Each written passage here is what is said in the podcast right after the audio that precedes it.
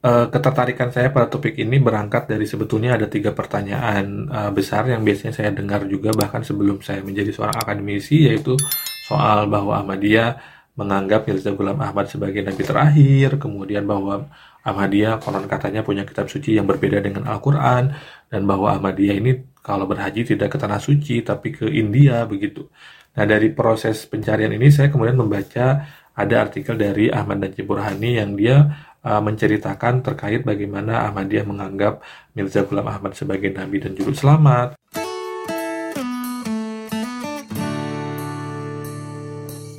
Assalamualaikum warahmatullahi wabarakatuh. Selamat datang teman-teman di Podcast Ren, podcast yang ngobrolin kajian keislaman yang kontekstual dan kontemporer. Di alternatif naratif episode kali ini saya mau mendiskusikan mengenai Ahmadiyah. Benarkah Ahmadiyah sesat? Dan proses itu sebelum kita membahas lebih lanjut, saya mau menyampaikan disclaimer dulu bahwa saya akan mencoba mendiskusikan tema ini dalam posisi saya sebagai seorang uh, Sunni post tradisionalis uh, yang juga adalah seorang peneliti dan adalah akademisi yang meneliti terutama terkait identitas keislaman. Sehingga dalam konteks ini jawaban saya mungkin sekali akan bersifat ada unsur subjektivitasnya uh, walaupun di saat yang sama saya berusaha untuk mengelaborasi kompleksitas dari pertanyaan ini uh, dan fakta bahwa kalangan Ahmadiyah ini adalah kalangan yang termarginalisasi. Uh, ketertarikan saya pada topik ini berangkat dari sebetulnya ada tiga pertanyaan uh, besar yang biasanya saya dengar juga bahkan sebelum saya menjadi seorang akademisi yaitu soal bahwa Ahmadiyah menganggap Mirza Ghulam Ahmad sebagai nabi terakhir, kemudian bahwa Ahmadiyah konon katanya punya kitab suci yang berbeda dengan Al-Quran, dan bahwa Ahmadiyah ini kalau berhaji tidak ke tanah suci tapi ke India begitu. Nah saya kemudian coba untuk mencari tahu jawaban atas ketiga pertanyaan ini sambil saya berproses untuk memetakan uh, identitas atau klasifikasi umat Islam secara heuristik sebagai bagian dari uh, proses penelitian saya untuk uh, di field study, studi saya. Nah, dari proses pencarian ini saya kemudian membaca ada artikel dari Ahmad Najib Burhani yang dia uh, menceritakan terkait bagaimana Ahmadiyah menganggap Mirza Ghulam Ahmad sebagai nabi dan juru selamat, kemudian bagaimana Ahmadiyah menginterpretasikan Khotamin Nabiyin sebagai the seal of the prophet bukan the last prophet.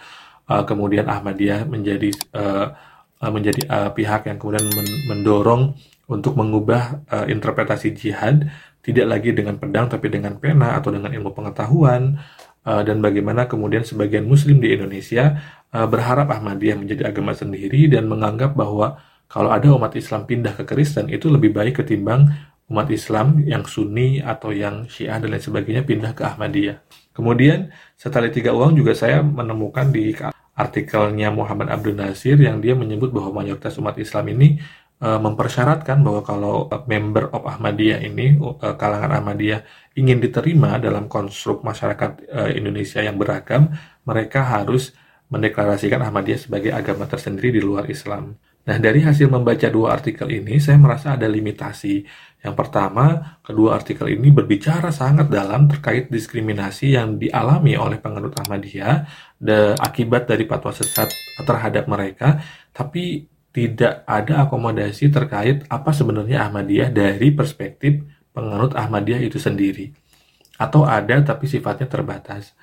Nah kemudian saya juga berpikir bahwa sebagai pihak yang terdiskriminasi, boleh jadi Ahmadiyah, terutama yang di Indonesia, ini merasa tidak aman dan tidak nyaman untuk menceritakan keahmadiyahan mereka secara belak-belakan atau menyampaikan gagasan kunci mereka sehingga kemudian pandangan kita terhadap Ahmadiyah diisi oleh pandangan non-Ahmadiyah terhadap Ahmadiyah yang mungkin jadi berangkat dari prasangka atau stigma atau uh, praduga yang tidak terbuktikan begitu. Saya mencoba kemudian mencari tahu atas dasar limitasi dan pertimbangan ini untuk mencari tahu dari sumbernya langsung.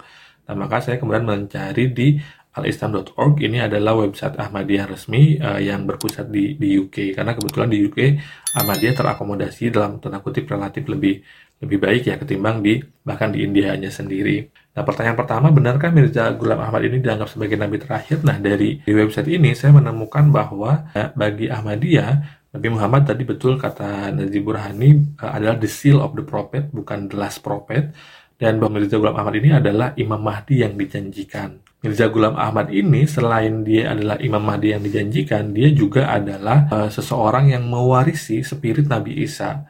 Karena ternyata bagi Ahmadiyah, Nabi Isa itu tidak diangkat ke, ke langit sebagaimana diyakini um, uh, Sunni pada umumnya, tapi dianggap sudah meninggal secara fisik dan tidak akan diutus kembali gitu. Bahkan mereka memproblematisasi gagasan bahwa Nabi Isa akan diturunkan kembali, akan diutus kembali kelak di hari akhir dengan konteks bahwa itu akan kontradiktif terhadap keterakhiran Nabi Muhammad dan itu akan uh, problematik terhadap posisi Nabi Isa sebagai nabi yang diturunkan kepada kalangan Yahudi. Nah, bahkan mereka meyakini bahwa Nabi Isa ini diketemukan nih makamnya di Kashmir dan sudah dikebumikan uh, di sana berdasarkan kayak mungkin semacam tanda kutip wahyu yang dialami oleh uh, Mirza Ghulam Ahmad. Ini jawaban yang saya temukan dari websitenya ketika saya mencoba menerka-nerka uh, bagaimana pandangan Ahmadiyah terkait Mirza Ghulam Ahmad, apakah dia sebagai nabi terakhir ataukah bukan. Kemudian yang berikutnya adalah apakah mereka punya kitab suci tersendiri gitu ya, bukan Al-Quran.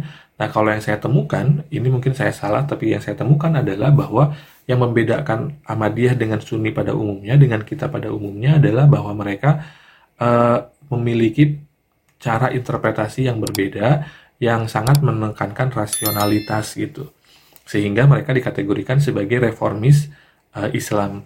Contohnya misalkan mereka mendorong proses untuk demistifikasi surga karena surga digambarkan sangat mistikal, sangat magis, sangat uh, luar biasa beyond beyond akal kita. Nah, bagi Ahmadiyah sendiri itu kemudian kurang pas sehingga mereka melakukan proses demistifikasi surga sehingga surga lebih tergambar atau terlihat lebih lebih rasional, lebih make sense, lebih masuk akal begitu.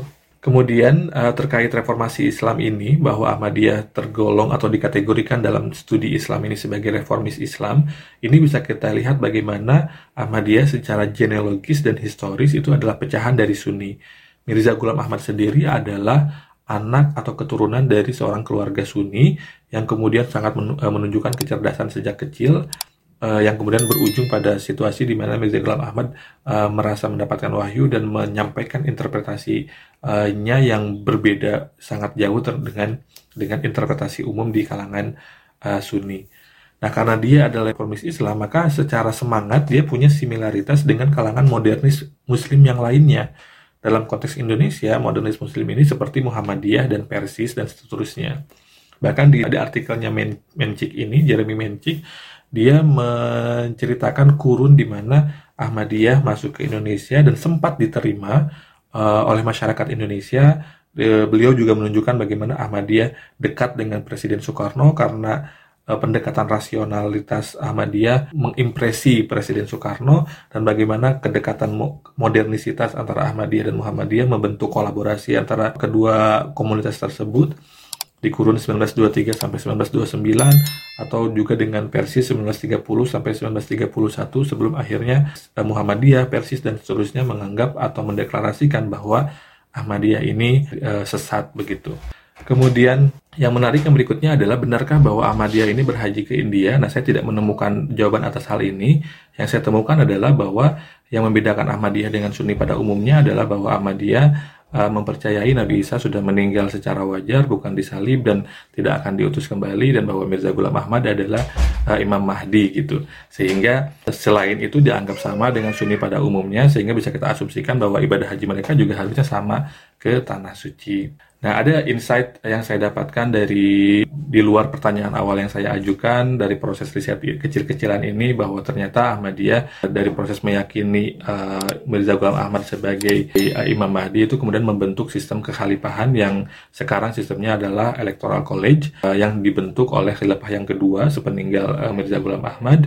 Dan bahwa Mirza Ghulam Ahmad ini termasuk di antara yang pertama yang kemudian mendorong uh, kampanye anti kekerasan beragama sehingga dia mendorong sangat eksplisit uh, untuk berjihad dengan pena. Uh, kesimpulan sementaranya adalah sebagai seorang Sunni uh, post tradisionalis saya tidak setuju dengan poin-poin fundamental yang menjadi pembeda antara kita dengan Ahmadiyah, uh, tapi juga saya belajar bahwa banyak yang saya terima terkait Ahmadiyah ini berangkat dari prasangka dan praduga yang tidak terbukti dan bahwa fatwa sesat Ahmadiyah ini selama ini uh, kita taking for granted seolah-olah Ahmadiyah sudah dianggap sesat sejak awal, padahal ternyata ia muncul seiring dengan dinamika waktu begitu dan bahwa walaupun saya tidak setuju terkait pandangan Ahmadiyah secara umum, saya juga tidak setuju pada konteks di mana mereka menjadi korban kekerasan uh, atas uh, anggapan sesat uh, terhadap mereka. Kenapa? Karena bagi saya sesat ini terkadang kadang berhubungan erat dengan uh, klaim kebenaran, terutama klaim kebenaran tunggal dan terkait uh, kontestasi otoritas beragama. Contohnya gimana? Contohnya misalkan uh, saya sering menemukan gitu ya di sosial media bagaimana kalangan salafi menyesatkan, menganggap sesat kalangan Nahdiyin atau kalangan NU, kalangan tradisionalis, sebagaimana kalangan NU juga menganggap uh, salafi sebagai tanda kutip memiliki unsur kesesatan karena me menyesatkan umat Islam yang menurut kalangan NU adalah umat Islam yang benar juga gitu. Nah, kita pada akhirnya ternyata saya sadar bahwa kita tidak punya kapasitas yang utuh untuk menganggap suatu aliran, suatu kepercayaan itu sesat ataukah tidak uh, kecuali mungkin yang yang fundamental adalah di dalam uh, sahadatnya gitu ya istilahnya. Nah ini yang kemudian dituduhkan kepada Ahmadiyah yang sejauh ini tidak saya temukan uh, sementara ini begitu. Itu saja mungkin semoga ada manfaatnya. Terima kasih. Wassalamualaikum warahmatullahi wabarakatuh.